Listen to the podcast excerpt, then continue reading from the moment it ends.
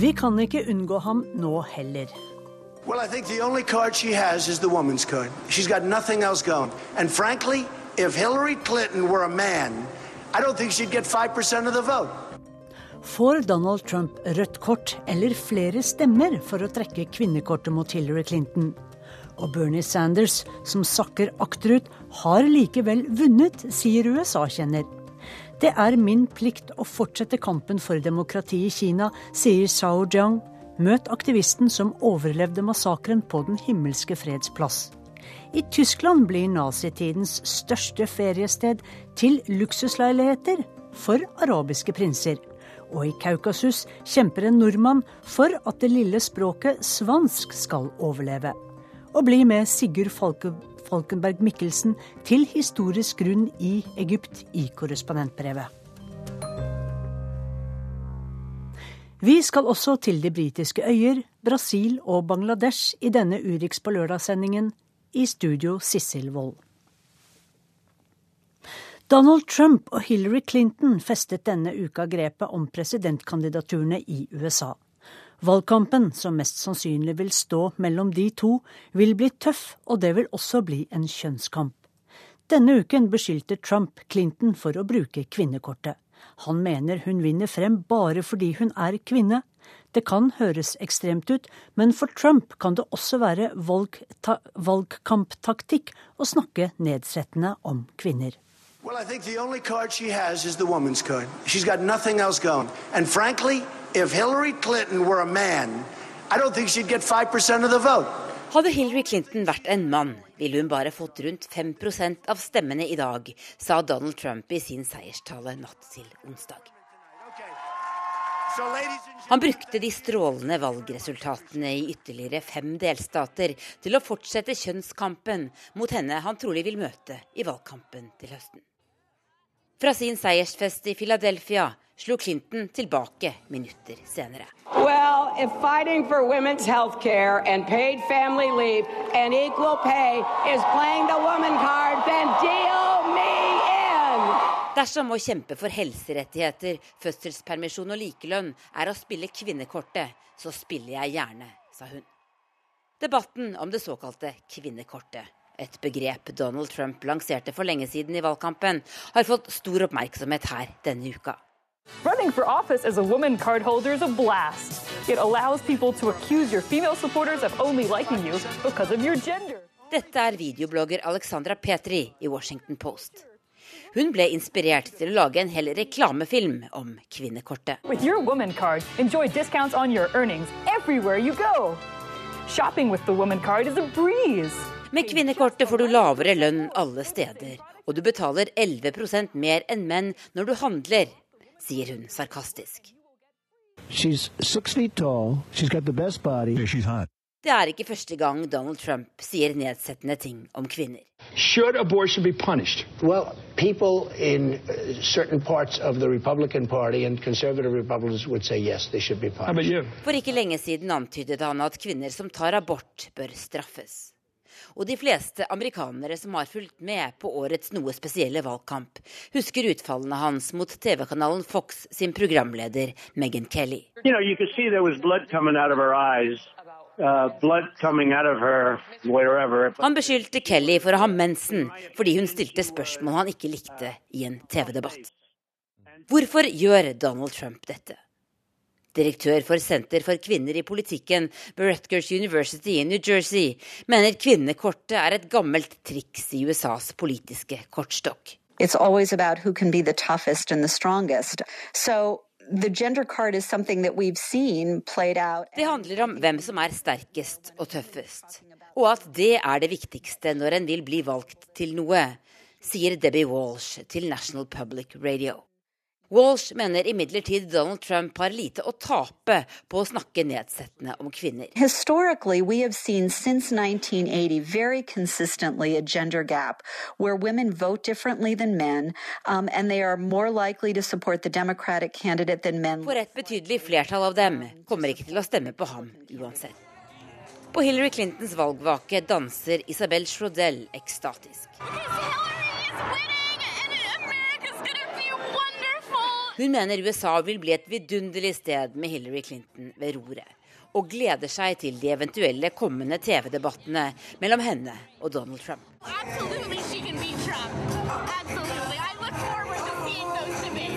Trumps tilhengere gleder seg også til de debattene, og et flertall av dem er menn.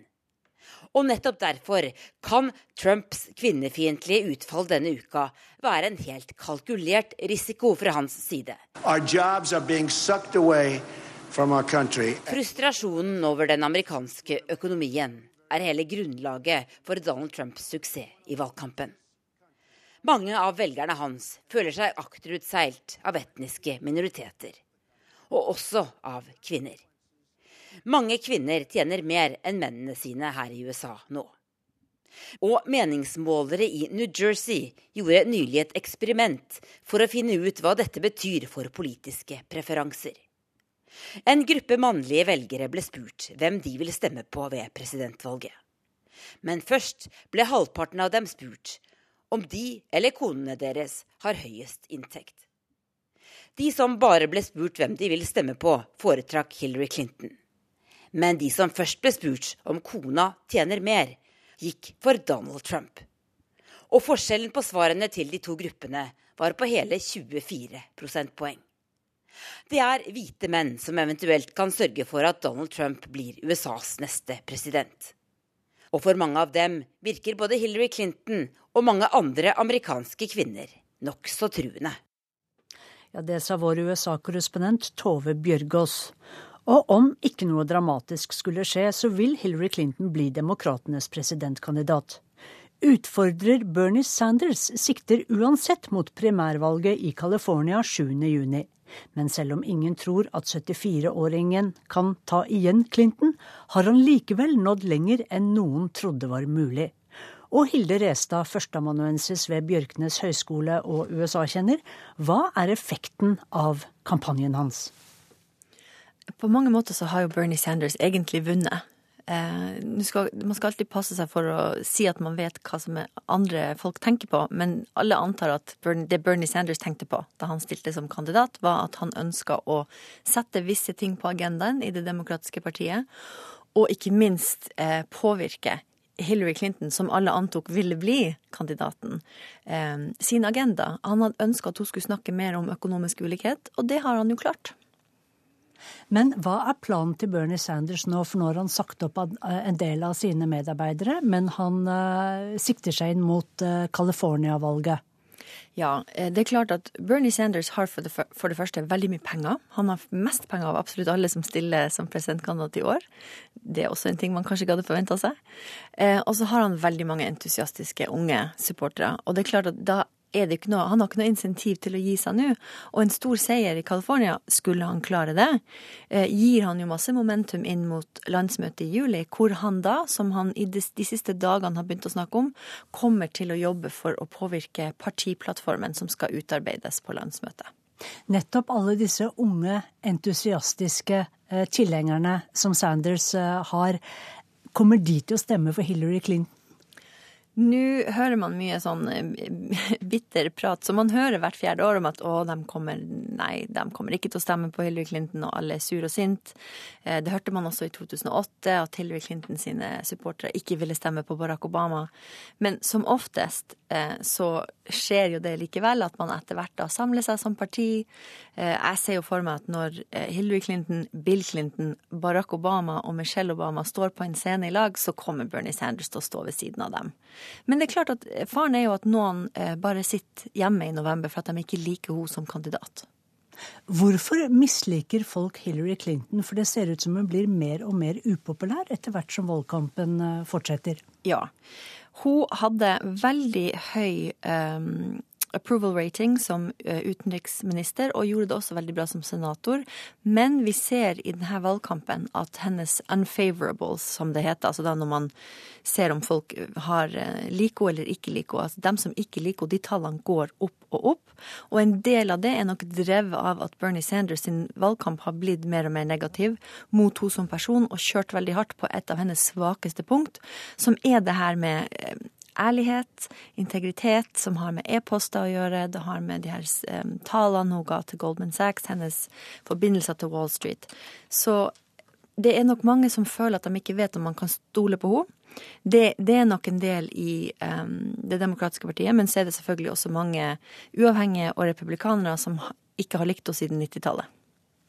Dette at eh, Donald Trump har trukket eh, kvinnekortet, og han sier at eh, Hillary Clintons eneste fordel er nærmest at hun er kvinne, og hun er ukvalifisert ellers. Hun kan bare trekke kvinnekortet. Hvordan påvirker det oppslutningen rundt Hillary Clinton? Nå er det jo sånn at flertallet av amerikanske velgere er kvinner.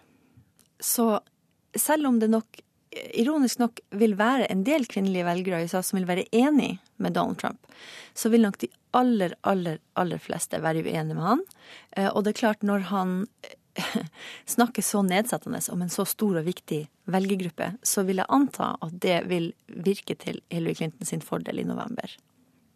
Alle de unge, entusiastiske Bernie Sanders-tilhengerne dette er jo fremtidens eh, demokrater. Vil de kunne dreie partiet, det demokratiske partiet langt til venstre? Det er jo en del eh, valganalytikere som mener at det republikanske partiet er på vei mot venstre. At man ser det nå siden 2008, og at eh, 1990-tallet med Bill Clinton var et slags unntak. Eh, det var jo da Bill, Clinton sin strategi var jo å gå mer mot sentrum for å eh, ta igjen de velgerne som hadde gått til Ronald Reagan. Så det er klart at det kan godt være at vi ser nå, særlig etter finanskrisen og ikke minst krigen mot terror under Bush-administrasjonen, en venstredreining. Men så er det jo også sånn da at unge velgere har jo en tendens til å bli litt mer konservative etter hvert som de blir eldre, så det, det, er klart at det må vi se. Men det er jo mange Nå har jeg lest to ulike artikler i dag hvor journalister sier at Hillary Clinton må velge Elizabeth Warren som sin visepresidentkandidat fordi de må fange opp alle de her unge, progressive velgerne. Elizabeth Warren og Hillary Clinton, to damer? Ja, det blir et dobbelt uh, women card. Men ikke Bernie Sanders? Ikke Bernie Sanders. Han kommer ikke til å bli visepresidentkandidat. Jeg vet ikke om han hadde hatt lyst til det heller, rett og slett. Han har to år igjen i Senatet. Da får vi vente og se. Det blir spennende.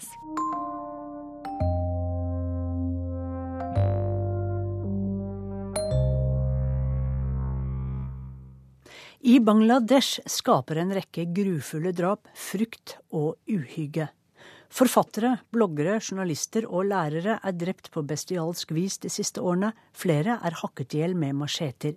Bare de siste ti dagene er en professor i engelsk og redaktøren for et blad som fremmer rettighetene til seksuelle, til seksuelle, til seksuelle minoriteter, blitt drept.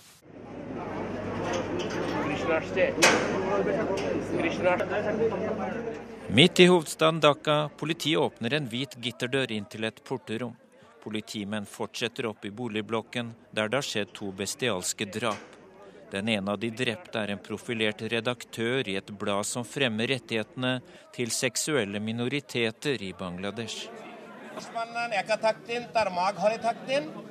এবং তিনি অবিবাহিত ছিলেন তার কাছে প্রায়ই বন্ধুবান্ধব আসতো Shulhas Manan bodde sammen med moren sin her. Det forteller politileder Asadusaman Mia til pressen utenfor.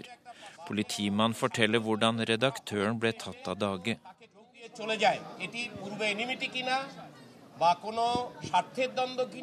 To menn kom for å levere en pakke. Det var en felle.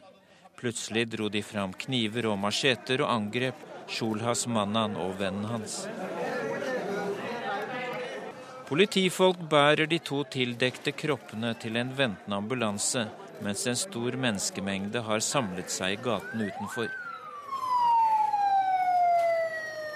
Drapet skjedde bare to dager etter at en annen profilert person ble utsatt for et like bestialsk drap. Et trangt smug i byen Rajani nord i Bangladesh. På bakken ligger en mann iført hvit skjorte og mørk bukse. Ved siden av ham er det en brun dokumentmappe og en blodpøl. Mannen var på vei til jobben på universitetet da menn på motorsykkel stanset og angrep ham med macheter. En kollega og venn av den drepte Kumar Shaha forteller til nyhetsbyrået Associated Press. উনি রাজনৈতিক কোনো দলের মানে কোনো অ্যাক্টিভ সদস্য ছিলেন না তবে হ্যাঁ উনি গান বাজনা করতেন Professor Karim Siddiq var ikke medlem av noe politisk parti. Han var en fredens mann. Siddiq underviste, spilte instrumentet tanpura og skrev dikt og korte noveller. Han var opptatt av kunst. Redaktør Shulhas Manan fremmet rettighetene til homofile i bladet Ropban. Al Qaidas forlengede arm i Bangladesh, Ansar al-Islam, sier de står bak drapet. Professor Karim Siddiq på sin side underviste i engelsk. Den såkalte islamske staten, IS, har tatt på seg ansvaret for det drapet. Bønnerop fra en av moskeene i Dhaka denne uka. Mange møtte opp for å ta avskjed med redaktøren av Europabanen. Blant de mange sørgende er broren min Hasemannen. Jeg forstår ikke dette. Jeg er selv muslim. Ifølge islam er retten til å kunne snakke fritt sentral, hevder han. Broren håper at ingen andre familier skal måtte gjennomgå det hans familie nå opplever.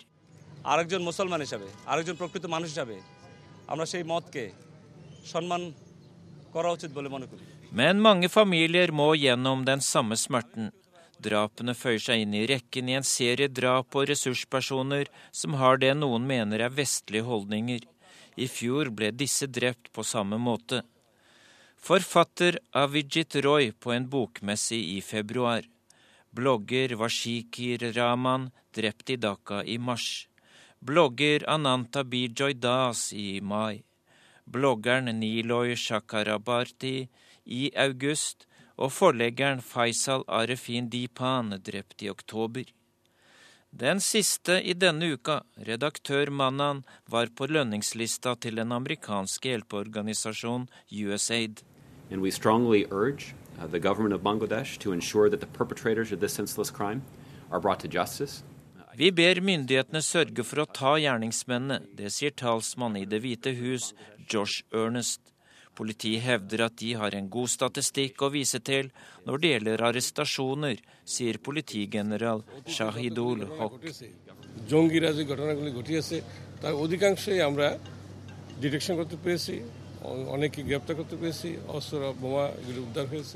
Vi har arrestert militante islamister før. Vi har tatt våpen og ammunisjon fra dem. Vi skal ta gjerningsmenn også denne gang, sier politilederen. De mange drapene som IS og Al Qaida-nettverket står bak, sprer frykt blant innbyggerne. Ytringsfriheten i Bangladesh er truet. Ja, det sa reporter Dag Bredvei. I Brasil er det ventet at president Dilma Rousef blir stilt for riksrett etter en avstemming i Senatet i midten av mai. Presidenten må i så fall fratre stillingen i inntil 108 dager, og hvis hun dømmes, blir hun avsatt for godt. De fleste brasilianere ønsker å bli kvitt Rousef, men mange spør seg også om hvem som er i stand til å bringe landet på rett kjøl. É bom, vamos tirar ela, mas não tem outro para botar. Det er fint at hun forsvinner, men hva hjelper det, sier bygningsarbeideren Molina Levi, som jeg møter på et marked i bydelen Copacabana her i Rio. De som står klar til å overta, er en gjeng med kjeltringer. Sannheten er dessverre den at det ikke finnes gode politikere i Brasil. De er korrupte alle sammen, sier han. Senhor presidente, for to uker siden besluttet et overveldende flertall i Brasils kongress å stille president Dilma Rousef for riksrett. Møtet i Kongressen, der 60% av representantene etterforskes for korrupsjon og andre lovbrudd, ble for mange brasilianere en bisarr forestilling. Den ene etter den andre av de folkevalgte skriker ut sin ja-stemme og tilegner den til Gud, fedrelandet, familien eller til kampen mot korrupsjon. En av dem hyller sågar en torturist fra Brasils militærregime på 1960- og 70-tallet. Nå går altså saken til Senatet, der det også er ventet et klart ja til riksrett. President Dilma Rousef sier dette om prosessen. Eu vou insistir, não há crime de responsabilidade. Os atos jeg må insistere på at jeg ikke har begått noen forbrytelse. Det jeg beskyldes for, har vært praktisert av alle presidenter før meg, sier Dilma Rousef, og viser til at hun har trikset med budsjettene foran siste presidentvalg. Det som skjer nå, er derfor et kupp fra høyresiden for å bli kvitt meg, hevder president Dilma Rousef.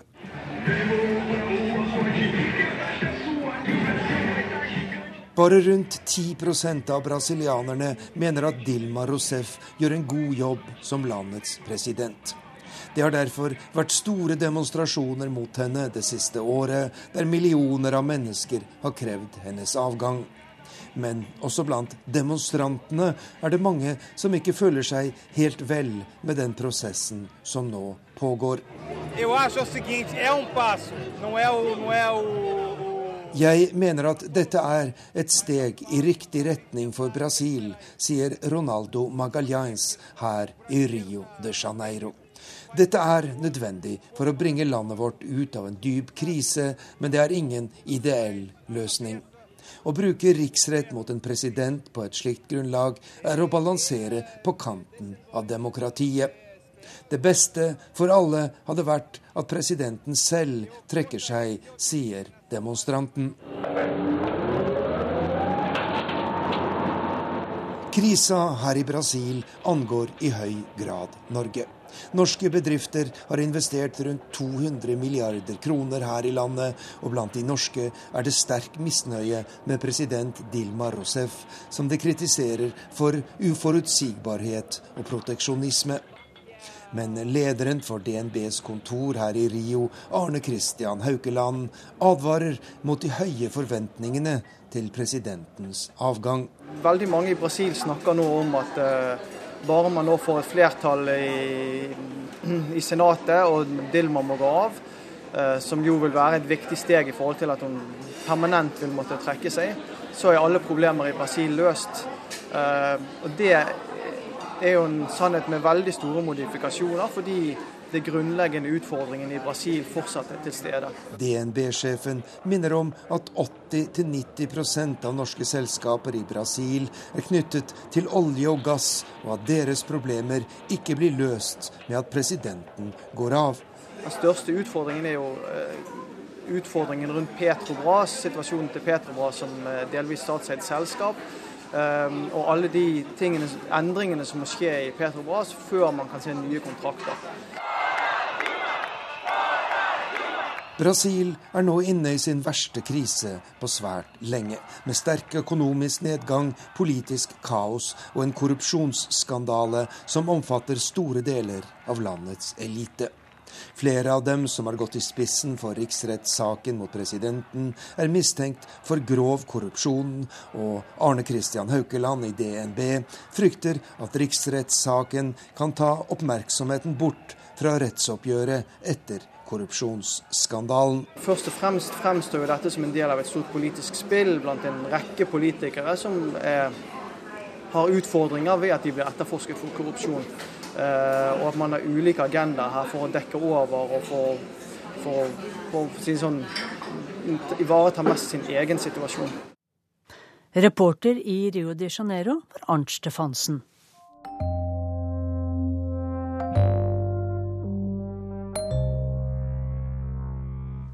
Vi skal øverst i Kaukasusfjellene, til Svaneti i Georgia. Der bor en liten minoritet som snakker et av verdens eldste og nå utrydningstruede språk, svansk.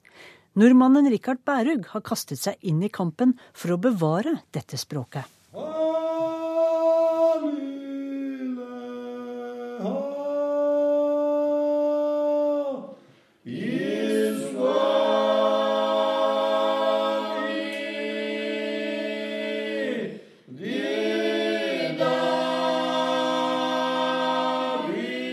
Familien Pilpani synger om solen. De synger en sang som er mye eldre enn kristendommen. Og de synger på et av Europas aller eldste og mest utrydningstruede språk, svansk. Det var i ferd med å dø ut. De unge ville ikke lenger snakke det mange tusen år gamle språket. Men nå har de 20 000 som bor her oppe, fått hjelp fra høyst uventet hold. Fra en nordmann. Vi befinner oss i et av de mest avsidesliggende områdene i Europa. Dette er fjellregionen Øvre Svaneti, helt nord i Georgia, på over 1500 meter. Et par mil fra grensen til Russland. Rundt oss reiser de mektige og snøkledde Kaukasusfjellene seg. Noen av dem er nær 5000 meter høye. De store tårnhusene her er over 1000 år gamle. De var middelalderens skyskrapere. På en stol i stua hos familien Pilpani sitter nordmannen Rikard Bærug. Når du oppdager etter hvert hvor eh, diskriminert språket er, at de ikke engang eh, georgiske myndigheter ønsker å inkludere det i skolesystemet. Det er jo visse paralleller til hvordan det var i Norge for eh, 60-70 år siden med samisk. 51-åringen fra Larvik er en av svært få utlendinger som bor her i Svaneti. Han driver hotell sammen med lokal familie. Gjestene er turister som jakter urørt og storslått natur. Men Bærug er mer enn hotelleier. Han har lært seg svansk og har engasjert seg sterkt i å bevare det truede språket. Nordmannen har gått Forsvarets russiskkurs, kan en rekke andre språk, og har alltid hatt en sterk interesse for filologi. Skal Georgia bevege seg i EU-retning og bli mer moderne og demokratisk og fritt, så må de også ta større hensyn til minoritetene, minoritetene ikke bare språkminoritetene. På eget initiativ har Rikard Bærug satt i gang flere prosjekter. Han vil styrke den lokale identiteten og gjøre innbyggerne mer stolte av språket sitt og kulturen sin. Bærug har blåst liv i langrennssporten igjen. Han har arrangert filmfestival hvor alle filmene er tekstet til svansk, og han har arrangert litteraturkonkurranse for ungdom på svansk. Nå er tekstene også ute som bok, med økonomisk støtte fra ambassaden og UD.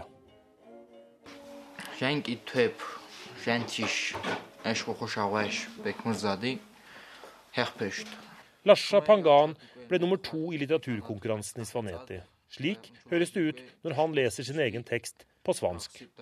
17-åringen forteller at mange unge Svaneti heller snakker georgisk enn svansk.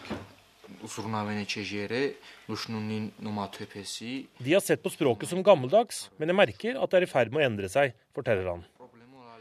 Det er ikke mer enn åtte år siden det var krig i Georgia. I 2008 brøt Sør-Otsetsia ut og erklærte seg uavhengig. De fikk militær hjelp fra Russland. I 1992 var det Abkhasia-regionen som løsrev seg. Også da ble det krig. Denne vonde historien kan være en forklaring på hvorfor Georgia ikke ønsker å bygge opp sterke lokale identiteter, tror Rikard Bærug. Men svansk er et godt eksempel eh, på eh, en slags test for Georgia, hvordan eh, de vil behandle en liten minoritet. Så jeg tror også at etter hvert så vil også georgerne oppfatte at svansk ikke er noen trussel mot Georgias eksistens, men mer en berikelse og en språklig arv som de bør ta vare på for sin egen del. Rikard Bærug har mange planer framover. Han vil først og fremst fortsette med litteraturkonkurranser. Og kanskje de klarer å stable en egen nettavis på beina, på svansk. Og så er det arbeidet med å få svansk inn i skolen, da. Folk er ikke spesielt bevisste på bruken av språket, og eh, de har vært utsatt for en såpass eh, langvarig negativ holdning fra høyere hold at eh, veldig mange tror ikke at liksom, språket deres har noe spesiell stor verdi. At det er et annenrandsspråk, at det er et bikkjespråk som ikke kan brukes i alle sammenhenger, kun liksom blant gjetere. Men det er helt feil. Det er, et veldig rikt språk. Jeg har arkaiske former, har rike former. Jeg har mange flere ord til å uttrykke ting enn andre språk på visse områder. Hjemme hos familien Pilpani hever Vaktan glasset for å skåle og takke for hjelpen han har fått. With pleasure, I want now tell the toast about Richard. Because Richard is uh, for the Swanetti, he is God sent. God. Nordmannen er som sendt fra Gud, mener han. Og nå skal det feires.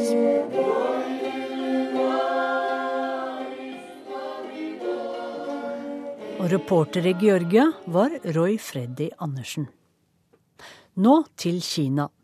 Som overlevende er det min plikt å fortsette kampen for menneskerettigheter i Kina. Det sier den kinesiske aktivisten og forfatteren Shao Jiang, som overlevde massakren på Den himmelske freds plass sommeren 1989. Denne uken var han i Oslo. Uh, uh, Vi gikk fra sykehus til sykehus for å lete etter kameratene våre da. Men det er fortsatt uklart hvor mange som døde på Tiananmen Square i 1989, forteller Shao Jiang. Den tidligere studentaktivisten nærmer seg 50 nå. Håret er nesten like svart som da, og engasjementet er like sterkt. Protestene på Den himmelske freds plass sommeren 1989 var rettet mot korrupsjon og inflasjon. Etter hvert lignet demonstrasjonene mer på et opprør. Natten til 4. juli var det slutt. Da kom hæren for å rydde plassen. Soldatene skjøt med skarpt mot demonstrantene og tallet på døde aktivister og andre ofre varierer fra et par hundre til 3000. And my good friends, two great friends, is shooted. So it's my duty for the life. Mange av mine studiekamerater og venner mistet livet. Derfor er det min plikt å fortsette kampen for et bedre samfunn i Kina, sier Zhang. Uh, Siden 1997 har jeg bodd i eksil, forteller Shao Jiang. Først i Sverige, deretter i Storbritannia. Men det er ikke lett å være kinesisk opposisjonell i Europa om dagen. Vestlige regjeringer er redde for å komme på kant med kinesiske myndigheter og næringsliv. Så kinesiske regimekritikere holdes på betryggende avstand. So that's big problem. I think it is very, very wrong. Ja, dette er virkelig et problem, sier Jiang til NRK.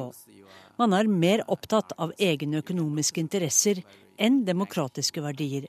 For det er galt å ikke bry seg om mangel på demokrati i Kina, sukker han.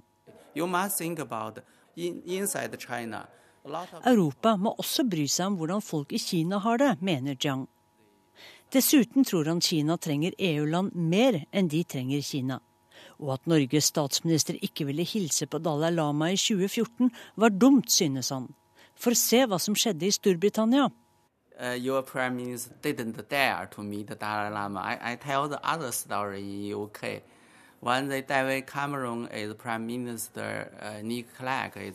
Statsminister David Cameron og daværende visestatsminister Nick Clegg hilste på Dalai Lama i 2012. Og etter det økte handelen mellom Kina og Storbritannia med 10% After the meet, the UK and the China economic figure increased 10%, not the drop. Why? Because China need you. Og i fjor kom Kinas mektige leder Xi Jinping til Storbritannia på offisielt besøk. Da Xi Jinpings bilkortesje rullet gjennom gatene i London, stilte Shao Jiang seg i samme positur som den ikoniske mannen med bæreposene som sto foran flere stridsvogner på Den himmelske freds plass i 1989. Jiang holdt opp to plakater der det sto 'Demokrati nå' og 'Avslutt autokratiet'. Britisk politi arresterte ham raskt, utførte razzia hjemme hos ham og tok med seg PC-en hans. Politiet fikk kritikk bl.a. fra Amnesty for å ha behandlet demonstrantene for hardhendt, og for å ha løpt Kinas ærend. Men Zhang gir ikke opp. Han fortsetter sitt arbeid for menneskerettigheter i Kina fra eksil. På spørsmål om han ser noen ny kinesisk vår komme, svarer han the one child policy, the only one child. When they grow up, Pga. ettbarnspolitikken har vi fått en ny generasjon med enebarn. I oppveksten deres har alt dreid seg om dem i familiene. Parents, your grandfather only look you, and you not, normally you don't care the other people suffering.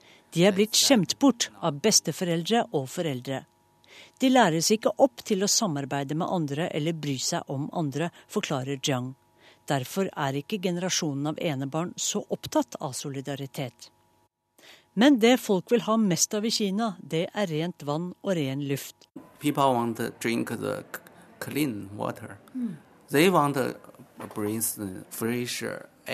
Kanskje vil det neste folkelige opprøret, om det skulle komme, være en kamp mot forurensning og for et renere miljø.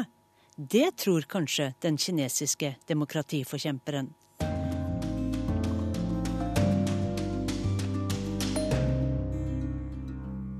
Alt handler ikke bare om to brexit or not to brexit på de britiske øyer om dagen. I skyggen av den kommende EU-avstemningen står Storbritannia foran en rekke viktige lokale valg den kommende uken. Tre av de fire landene skal velge nye parlamenter, og hovedstaden skal velge ny borgermester. I'm running for mayor because I want all Londoners to get the opportunities that our city gave me. I'm Zach Goldsmith and I'm asking for your support. The London mayoral election is the most important our city has faced. Dette er Zack, Zack Goldsmiths og Sadiq, Sadiq Khan, som i hver sin video driver reklame for seg selv. So your vote will be. En av dem blir valgt til Londons nye borgermester om under en uke. Da er konservative Boris Johnsons to perioder ute. Goldsmiths er hans partifelle, og i likhet med Boris Johnson gikk han på prestisjeskolen Eton, og er også kjent som en av parlamentets rikeste etter å ha arvet en formue etter sin far, men har ikke helt kollegaens talegaver. Det har heller ikke Labour-kandidaten Sadiq Khan, som har sittet to perioder som folkevalgt og var også transportminister under Gordon Brown. Khans far var bussjåfør.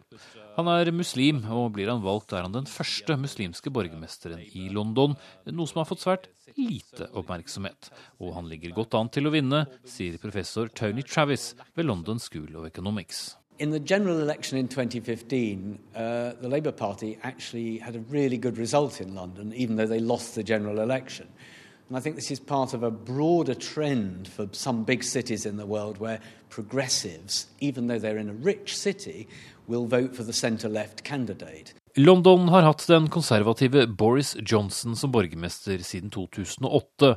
Nå er han mildt sagt travelt opptatt med å forsøke å få landet ut av EU til folkeavstemningen i juni. On June the 23rd, then I believe this country will prosper and thrive as never before. And yes, it will be. Independence Day on June 24th. Vote, vote, leave. Og denne folkeavstemningen om EU overskygger mye av politikken. Men det er svært mange viktige valg om bare noen dager. F.eks. skal skottene velge seg nytt parlament. Men særlig tvil om valgvinneren er det ikke når jeg møter folk på gaten i den skotske hovedstaden. Oh, it's gonna be, it's gonna be an SNP landslide. It's gonna be a huge SNP majority. Well, we all know that. It's pretty self-evident that the SNP are streets ahead. Ved det forrige parlamentsvalget her i Skottland i 2011 så fikk nasjonalistene for første gang over halvparten av setene her inne i det skotske parlamentet. Nå, fem år etter, så ser velgerne ut til å gi dem enda mer tillit. De skotske nasjonalistene har hatt en enorm medvind. Ikke bare vant de flertall i det skotske parlamentet ved forrige lokalvalg, men de gjorde sitt beste valg noensinne til det britiske parlamentet i fjor, til tross for at de tapte folkeavstemningen om uavhengighet i 2014. Men det betyr ikke at skottene har gitt opp troen på et selvstendig Skottland, sier professor John Curtis ved Strathclyde-universitetet i Glasgow.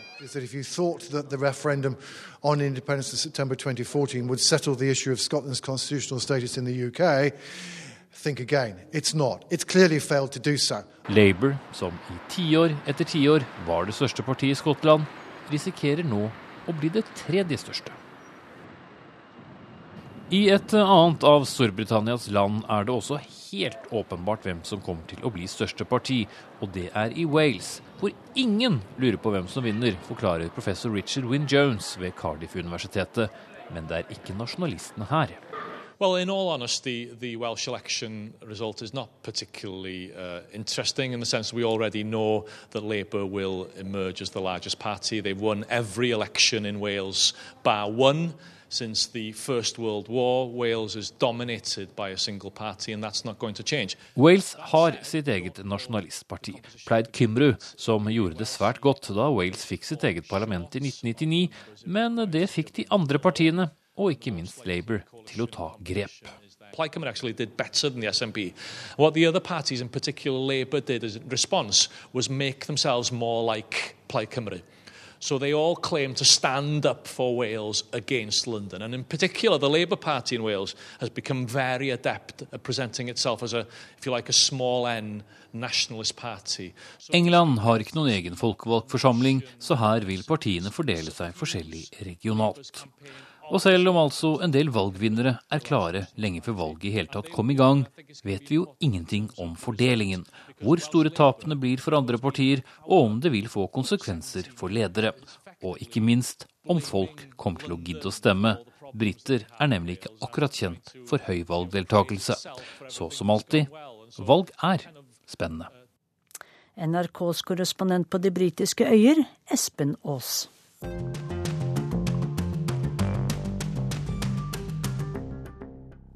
Vi skal til Tyskland, der nazistenes tidligere feriested ved Østersjøen har fått ny giv. Det enorme anlegget Prora, som stort sett har ligget brakk i mange år, pusses nå opp til luksusleiligheter med havutsikt. Til og med et medlem av kongefamilien i Dubai har latt seg friste til leiligheter i det som må være verdens lengste boligblokk. I like this apartment. It's a master suite. Very big. 90 square meter. Manfred Hartvig viser oss rundt i den enorme betongkolossen som stort sett har ligget brakk siden nazistene forlot det. Han er eiendomsmegler og leder for prosjektet Prora Solitaire, luksusleiligheter ved sjøen. Et boligprosjekt med en litt spesiell historie. Reisen und wandern und möglichst immer weit, das war zu jeder Zeit als Kind schon immer mein Vergnügen. Det ble introdusert som et enormt sosialt løft. I 30-tallets Tyskland finner de nasjonalsosialistiske lederne ut at én måte å få med seg folket på, er å gi dem mer ferie og bedre ferietilbud. Kraft durch Freude, styrke gjennom glede, blir navnet på den statskontrollerte fritidsorganisasjonen i Det tredje riket. Tyskerne tilbys konserter, ekskursjoner, utenlandsturer og cruisereiser til en svært rimelig penge. Og med på kjøpet får de naturlig nok også en dose nazistisk ideologi.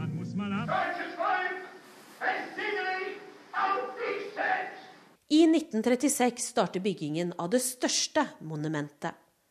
Sjøbadet Prora på Tysklands største øy, Rügen. I et nesten fem kilometer langt betongbygg langs Østersjøen skal 20 000 tyskere kunne feriere på én og samme tid.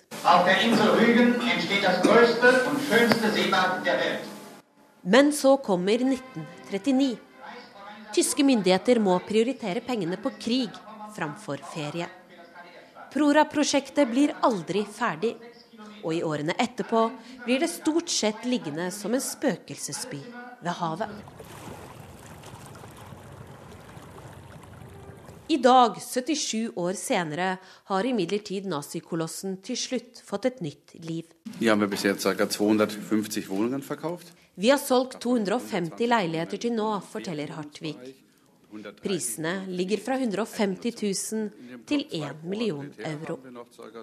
Kjøperne kommer fra hele Tyskland og er stort sett gjeldfrie 50-åringer. Men også et medlem av kongefamilien i Dubai har latt seg friste. Han var en av de første kjøperne og endte opp med en penthouse-leilighet på toppen. Og vi vært de første kjøperne. en Mitglied der Königsfamilie aus Dubai, auch gekauft hier oben im fünften Stock, ein Penthouse mit Dachterrasse. Likevel, det har ikke bare vært lett å selge boliger i en bygning med en så spesiell historie. Ein Drittel problemer med det. En Drittel er es völlig egal. Og en Drittel sier det er godt, dass hier etwas daraus gemacht wird. En tredjedel har problemer med det, en tredjedel bryr seg ikke. En tredjedel sier at det er fint at vi gjør noe ut av dette, forteller Hartvig. Utenfor bygget er kameratene Georg Hartmann og Manfred Franke på spasertur. Men de skal bare kikke, ikke kjøpe. Jeg werde wahrscheinlich nicht kaufen. Nee, ich auch nicht. Ich finde es, ich finde es interessant hier. Historien er de ikke spesielt stolte over. Men de synes det er bra at det blir gjort noe ut av dette bygget, som har ligget brakk. Sag ich nochmal, ich bin nicht stolz drauf, aber ich finde gut, was man daraus macht. Man muss mal ab und zu verreisen. For av og til må man, som i sangen, rett og slett reise bort. Men folk av i dag trenger tydeligvis mer plass for nettopp det. Det samme bygget som en gang skulle huse 20 000 idealistiske nazister, skal nå kun huse rundt 4000 feriesugne. Berlin-korrespondent Guri Nordstrøm hadde besøkt Rygen. Og om du vil se bilder av dette svært spesielle feriebygget, kan du sjekke NRKs nettsider nrk.no utover dagen.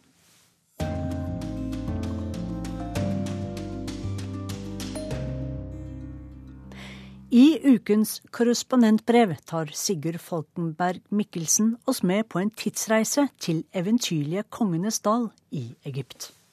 Jeg kan fortsatt høre toget hvordan bremsene skriker og fløyta tuter for å advare folk og fe om at det er på vei. Det er ikke det samme toget som før.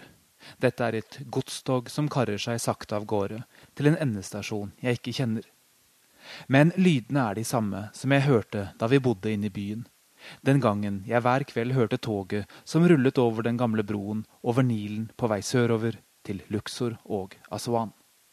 Og hver gang drømte jeg meg bort og ønsket å legge meg i en sovekupé og kjenne hjulene slå mot skinnegangene og la meg frakte nedover og oppstrøms den lange elven i de gule og svarte togene som jeg innbiller meg er de samme som britene etterlot seg her. Når jeg har reist dit, har jeg reist på mer prosaisk vis, med et blått og hvitt innenriksfly fra Egypt Air. En gang var det omvendt. Da lå romantikken i den begynnende luftfarten. Mennesket kunne for første gang se verden ovenfra, og aldri skulle vi igjen bli de samme. Det har vi nå glemt, der vi haster fra flyplass til flyplass, med øynene festet til en telefon eller med tankene kretsende rundt det neste motivet for et bilde som skal legges ut på Facebook eller Instagram, eller hvor det nå er man trives best i den virtuelle verden. Kanskje er det også derfor det er så godt å komme ned til Luxor eller Aswan. Det nullstiller klokkene. Det, og så er det selvfølgelig stillheten. For da jeg landet i Luxor for et par uker siden, var det som om noen tok av meg et par høretelefoner med bakgrunnsstøy. Lyden av toget er én ting, men Kairo er en by som ruller og går dag og natt. Det tærer på kroppen, men etter en stund tenker du ikke på det før det er borte. Som en plutselig og underlig frigjøring. Det er likevel en reise fra en hovedstad til en annen. Ingen visste hva Luxor var i Egypts storhetstid. Det er en europeisk variant av navnet de arabiske erobrerne ga byen. Al-Oksor, som betyr slottene eller palassene. Luxor het Teben i antikken. Den gang var byen sentrum for menneskehetens mest storslåtte sivilisasjon. Et tyngdepunkt som de manifesterte gjennom sine byggverk. Signalbygg kan vi kalle det med dagens språkbruk. Pyramider, templer, graver, statuer byggverk som var gamle selv for antikkens greske og romerske reisende. Jeg tok inn på hotell som også var et slags museum, Winter Palace Hotel. En gang var det et obligatorisk stoppested for verdens jetsettere. Nå er det tilfluktssted for en blanding av den europeiske øvre middelklassen over 60 år og et og annet velstående par som er ute for å feire eller gjenopplive sin romanse. I gangene henger det, som seg hør og bør, litografier av David Roberts, og hvis ikke navnet umiddelbart gir gjenklang, har de aller fleste sett hans bilder. Roberts reiste hit til Egypt, og også over store deler av Midtøsten, i skyggen av det britiske imperiet, og malte templer og kolonner med sine akvareller i myke og romantiske toner, ofte med en rødlig sol. De var svært populære i hans levetid, og er det fortsatt på en måte, selv om de ikke har nyhetens interesse lenger.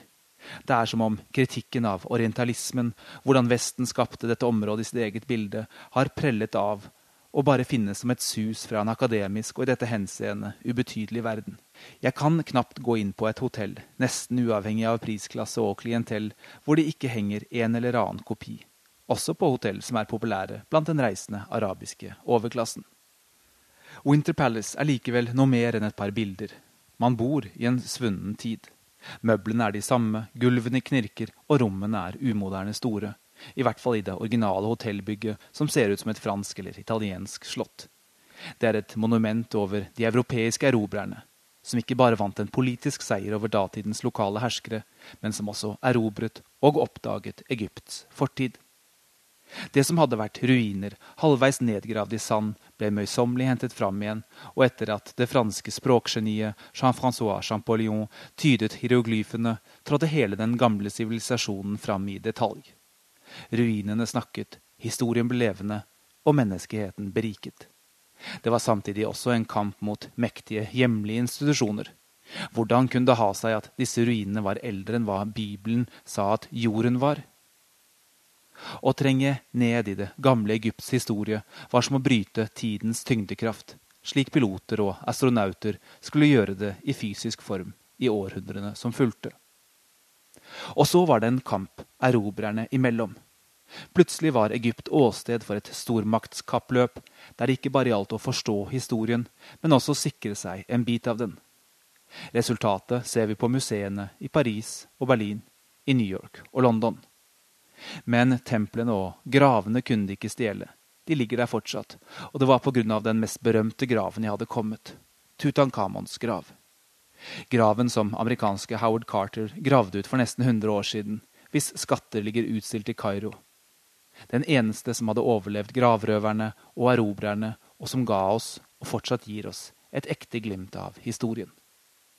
Men hva hvis Carter i all sin nøyaktighet hadde oversett noe? Kong Tut ble gravlagt i all hast, og graven er mindre enn de andre gravene i Kongenes dal. Hva hvis graven skjuler en enda mer spektakulær oppdagelse, dronning Nefretitis grav? Den mytiske dronningen hvis gravsted ikke er funnet, og hvis skjønnhet fortsatt taler til oss gjennom den eneste bysten som er funnet av henne, den som står utstilt i Berlin. Det er hva den britiske arkeologen Nicholas Reeves tror. Teorien er omstridt, svært omstridt, og det utføres nå undersøkelser for å finne ut om det kan være noe bak de gullmalte, uvurderlige freskene på gravveggene til Tut Ankamon. Da Carter åpnet graven, var Winter Palace full av journalister og den vestlige verden på vei inn i en populærkulturell egyptomani. Det var ikke akkurat slik det er da jeg besøkte hotellet. Ikke bare er de fleste turistene borte pga. all uroen i Egypt, Masseturismen før det igjen bidro også til å avmystifisere, noen vil kanskje si vulgarisere, det gamle Egypt. Skulle derimot Nefretitis grav vise seg å ligge skjult der Reeves tror, tenker jeg det vil summe av stemmer her på ny. Den siste kvelden jeg var der, traff jeg tilfeldigvis en amerikansk kollega og venn som har skrevet mye om utgravingene og båndet mellom historie og nåtid for et amerikansk magasin. Han var på vei ut i den østlige ørkenen, den som ligger mellom Nilen og Rødehavet. Den er ikke kjent for ruiner, men for mineraler. Det var herfra faraoene hentet gullet som de trengte til å feire seg selv, og kopperet som de trengte til sine erobringer. Vi satte oss i de dype stolene i hotellbaren. Det var bare oss to der, og den egyptiske entreprenøren som han skulle reise ut med i ørkenen. De prøver å gjenopplive disse gamle gullminene med ny teknologi kan de kanskje få fram mer enn de klarte med hakke og spade for 4000 år siden. Den egyptiske entreprenøren sa han skjønte hvor alvorlig den økonomiske krisen i byen var som følge av turismens bortfall, men mente også at det kunne være bra på sikt, fordi det gjorde at folk måtte finne andre måter å tjene penger på. 30% av økonomien, hevdet han, stammet fra turisme under Hosni Mubaraks glansdager. Det er lettjente penger, men som dagens krise viser, de kan også lett forsvinne. For innbyggerne i Luxor, som nesten alle lever av turisme i en eller annen form, er som en norsk oljebygd. Hvorfor gjøre noe annet når oljen ligger der ute som en gave? Der vi fikk den fra naturen, har de den her fra historien. Jeg kjente jeg ble søvnig der jeg satt i den dype stolen. Effekten av min negroni spredte seg i kroppen. Jeg hadde stått opp svært tidlig samme morgen med ambisjoner om å ta med meg en sykkel på fergen over Nilen, og så tråkke opp til Ramesseum, tempelet til Ramses den andre, en av de aller største faraoene. Jeg hadde så vidt fått et glimt av den veltete statuen av Ramses da vi kjørte forbi på vei til Kongenes dal dagen før. Tempelet var ment å stå for alltid, men var bygget på porøs grunn og ligger i ruiner. Statuen av ham er den største granittstatuen som er bygget, rundt 17 meter høy og kanskje 1000 tonn tung. Det var da den britiske poeten Shelley hørte om disse ruinene og den falne statuen, han skrev sitt dikt om maktens forgjengelighet, Ozymandias. My name is Ozymandias, king of kings. Look on my works, ye mighty, and despair. Nothing beside remains round the decay of that colossal wreck, boundless and bare. The lone and level sands stretch far away. Da jeg kom ned i lobbyen i halv sju-tiden, ristet morgenresepsjonisten på hodet da jeg spurte om å få låne en sykkel. Nei, det går ikke, sa han. Men jeg hadde da sett røde sykler på rekke og rad ved inngangen under den store trappa. Beklager, sa han, de virker ikke. Det åpner en sykkelbutikk lenger borte i gata her snart, sa han. Når? Veldig tidlig, kanskje klokken ti, sa han. Jeg sa takk, og visste det ikke ble noen sykkeltur til Rammeseum. Og et eller annet sted i meg var jeg takknemlig. Jeg reiser mye, men vet også at noen av de fineste reisene er de du aldri foretar, akkurat som togreisen fra Kairo til Luxor. I stedet må du la deg frakte av andre. Du må reise i litteraturen, gjennom kunsten, og dermed også i deg selv. Og med dette brevet fra Magiske Luxor ønsker vi deg god helg. Teknisk ansvarlig Eli Kyrkjebø, produsent Kari Bekken Larsen og i studio Sissel Wold. Og mandag er det Urix på TV på NRK.